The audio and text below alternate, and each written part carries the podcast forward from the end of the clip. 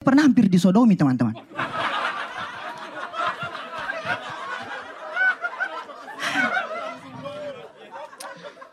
Sebelum masuk ke cerita yang sodomi ini, saya ceritakan dulu nih. Ada yang pernah naik bus dari Jawa ke Bali enggak? Naik bus? Ada, tepuk tangan dong kalau ini, pernah? Ayo, ayo saling tektokan loh, ini nggak sedang kuliah loh. Ini saya berusaha menjaga atmosfer supaya kita ini bonding loh. Nggak usah sok-sok bikin saya kikuk di sini ya. Ini saran saya teman-teman, tips ya. Kalau kalian naik bus, cari bus yang pariwisata atau yang sultan kelas begitu. Jangan pernah pakai yang ekonomi kalau bus-bus tuh. Karena biasanya kursinya busuk. Saya punya pengalaman nih, nyebrang dari Ketapang ke Gilimanuk dan Pasar Bali. Naik bus ekonomi malam, dari Malang.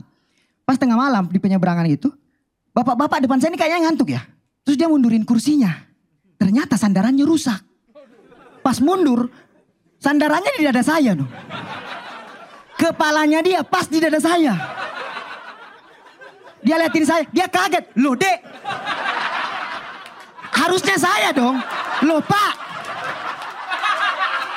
Loh dek, pak. Saya loh loh loh loh loh loh. Dia yang kaget. Loh dek, harusnya saya yang kaget.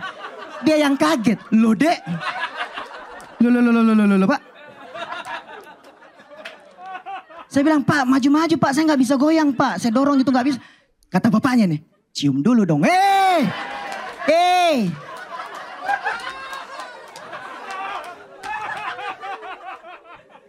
Lampu saya matiin dulu ya.